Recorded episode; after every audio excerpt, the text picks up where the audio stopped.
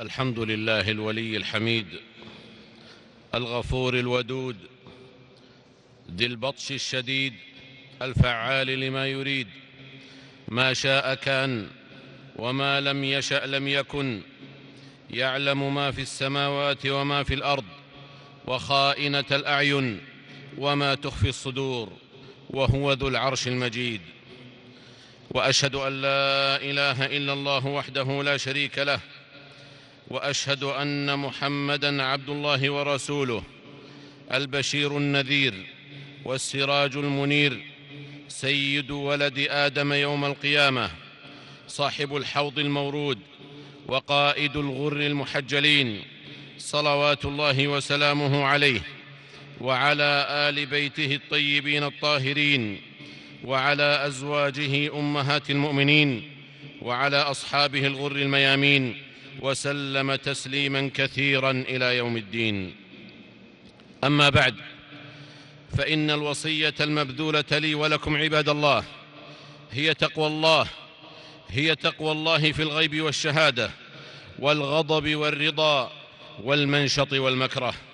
فاتقوا الله وأصلحوا ذات بينكم وأطيعوا الله ورسوله إن كنتم مؤمنين.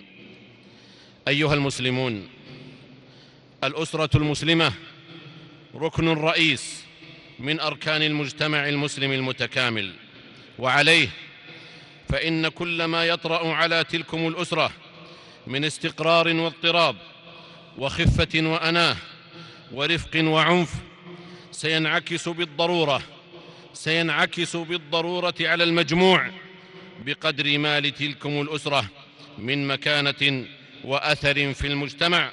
قل ذلكم أو كثر.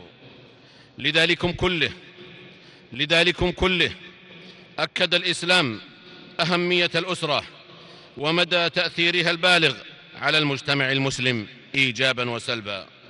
كيف لا؟ والأسرة هي أساس النشء والتكاثر. فلا أسر بلا توالد ولا مجتمع بلا أسر. لذلكم أقسم الله جل شأنه أقسم الله جل شأنه بأصل الأسرة إذ قال جل وعلا لا أقسم بهذا البلد وأنت حل بهذا البلد ووالد وما ولد لقد خلقنا الإنسان في كبد. قال بعض المفسرين إنما المق إن المقسم به في الآية آدم عليه السلام وما ولد من ذريته فإن الله جل شأنه لما أقسم بالبلد الذي هو أصل الساكن أقسم بعده بساكن البلد فكأنه أقسم بأصول الموجودات. وبهذا القسم يظهر الوالد والولد الذين تتكون منهم الأسرة. وقد قال النبي صلى الله عليه وسلم والرجل راع في أهل بيته ومسؤول عن رعيته والمرأة راعية في بيت زوجها ومسؤولة عن, ومسؤولة عن رعيتها. رواه البخاري ومسلم. إذا تبين ذلكم عباد الله فلنعلم أن العنف الأسري أن العنف الأسري من أعظم ما يهدد كيان الأسرة المسلمة ويثلم لحمتها ويبددها شذر مذر.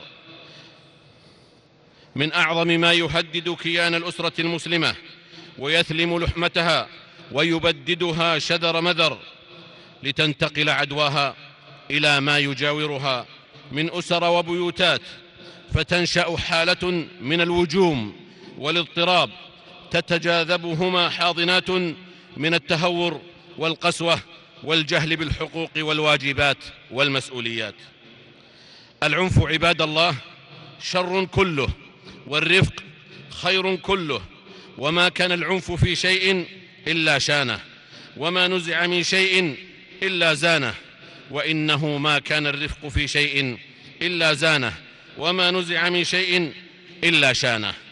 العنف عباد الله داء لا خير فيه البتة وهو قبيح يعظم قبحه وضرره حينما يطال ذوي القربى.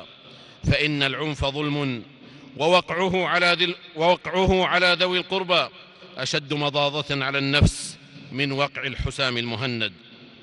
العنف عباد الله سلوك مشين سلوك مشين متعمد يلحق الضرر بالمعنف به جسديا أو ماليا أو نفسيا وهو يصل في بعض المجتمعات وهو يصل في بعض المجتمعات والبيئات إلى شبه ظاهرة لتكاثر وقوعها وفداحة مغباتها فإن ضحاياها كثر وأحاديث الإعلام ومواقع التواصل عنها في ازدياد ملحوظ وهو يمثل خطرا غير هين على استقرار المجتمع اجتماعيا وسلوكيا ما يستدعي وجوب شحذ الهمم في التصدي له ببيان أسبابه وحاضناته وبذل الدراسات والاستشارات التي تحد منه إن لم تقض عليه بمرة. وهو وإن لم يكن بدعا من المجتمعات إلا أنه لا يبرر التكاسل تجاهه أو إعطاءه أقل الاهتمامات الاجتماعية. وإنه ما من داء وإنه ما من داء اجتماعي إلا وله دواء. علمه من علمه وجهله من جهله. وإن ديننا الحنيف لم يدع لنا خيرا إلا دلنا عليه ولا شرا إلا حذرنا منه. وإن أول عنف أسري وقع في البشرية. قد قصه علينا ربنا جل وعلا في كتابه العزيز الذي لا يأتيه الباطل من بين يديه ولا من خلفه تنزيل من حكيم حميد. فقد قال الله في محكم التنزيل عن أول عنف أسري واتل عليهم نبأ ابني آدم بالحق إذ قربا قربانا فتقبل من أحدهما ولم يتقبل من الآخر. قال لأقتلنك. قال إنما يتقبل الله من المتقين. لئن بسطت إلي يدك لتقتلني ما أنا بباسط يدي إليك لأقتلك. إني أخاف الله رب العالمين. إني أريد أن تبوء بإثمي وإثمك فتكون من أصحاب النار وذلك جزاء الظالمين. فطوعت له نفسه قتل أخيه فقتله فأصبح من الخاسرين. هذه صورة واحدة من صور العنف الأسري وهي أعلاها خطرا وجرما. لبلوغها درجة إزهاق النفس بغير حق.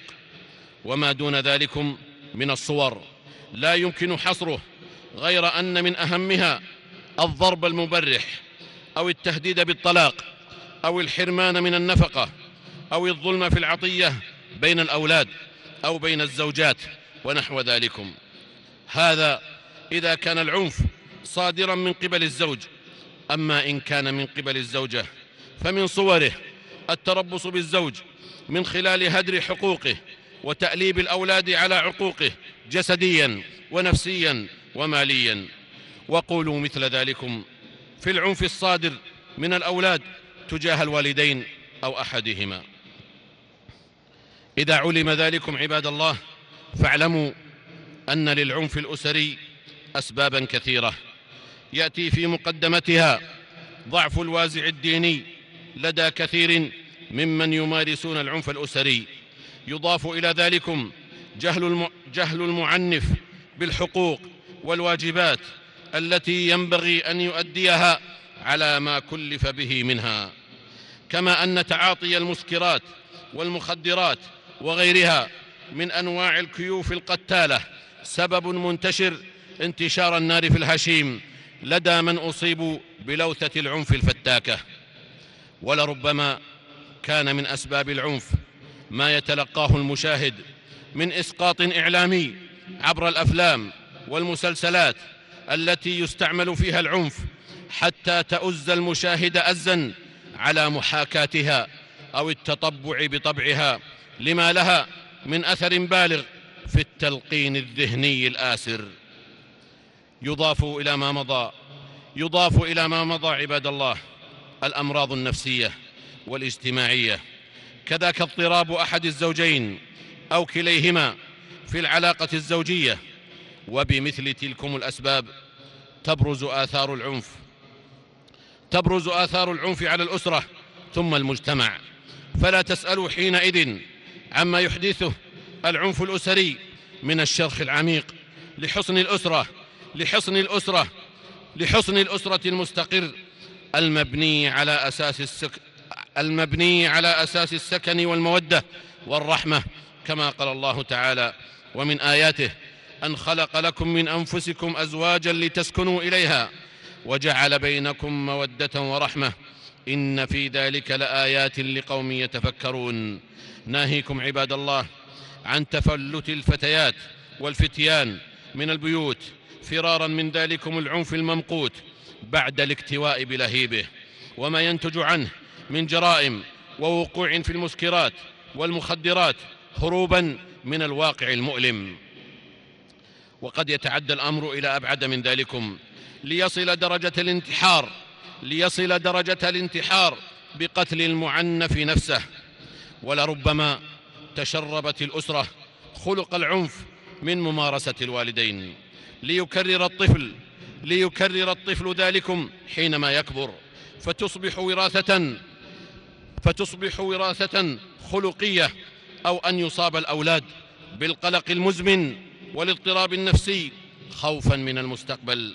فيكرهون الزواج ويكرهون الأسرة فينقلبون عبئا ثقيلا على المجتمع امنيا واجتماعيا واقتصاديا وتربويا والله جل وعلا قد قال لسيد الخلق وأكرمهم وأحلمهم فبما رحمة من الله لنت لهم ولو كنت فظا غليظ القلب لانفضوا من حولك بارك الله لي ولكم في القرآن العظيم ونفعني وإياكم بما فيه من الآيات والذكر الحكيم قد قلت ما قلت إن صوابا فمن الله وإن خطا فمن نفسي والشيطان.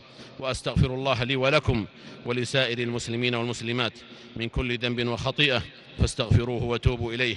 إن ربي كان غفورا رحيما.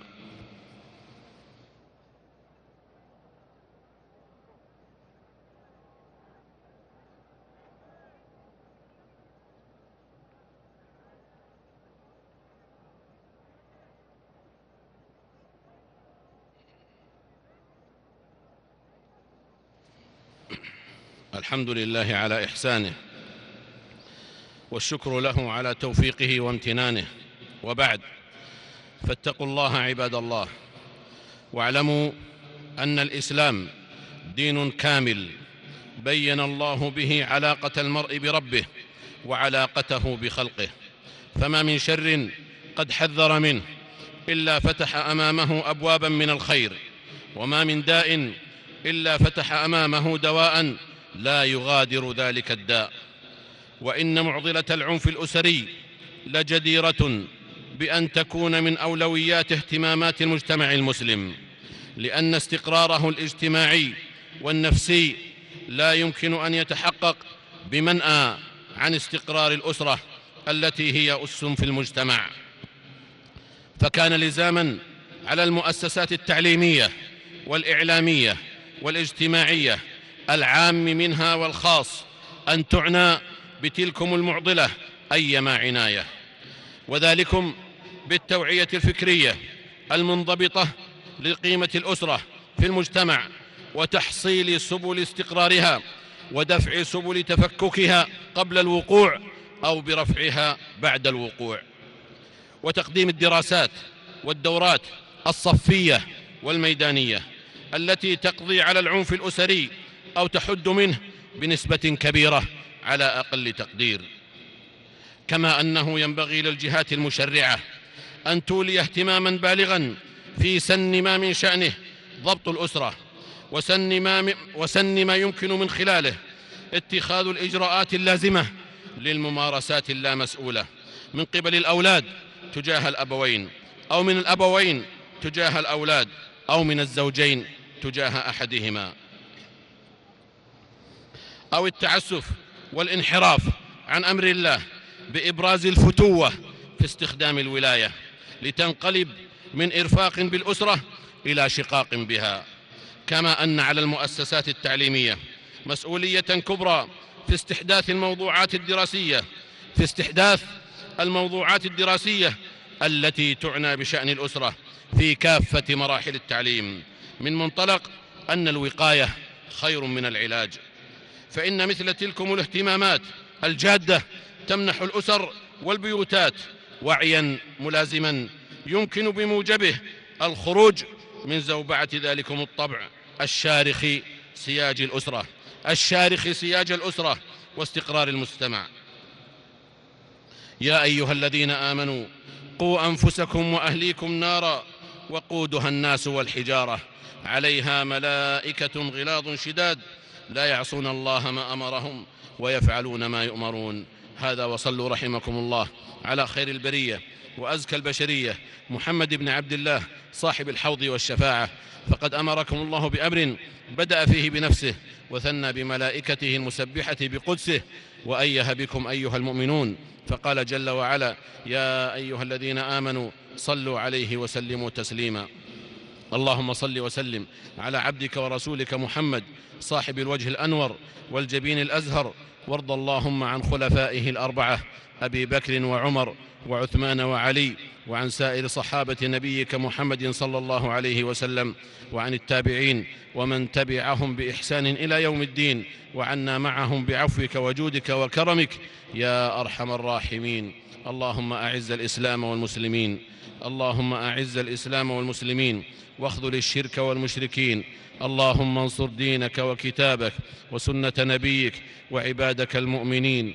اللهم فرج هم المهمومين من المسلمين ونفس كرب المكروبين واقض الدين عن المدينين واشف مرضانا ومرضى المسلمين برحمتك يا أرحم الراحمين. اللهم آمنا في أوطاننا وأصلح أئمتنا وولاة أمورنا واجعل ولايتنا في من خافك واتقاك واتبع رضاك يا رب العالمين. اللهم وفق ولي أمرنا لما تحبه وترضاه من الأقوال والأعمال.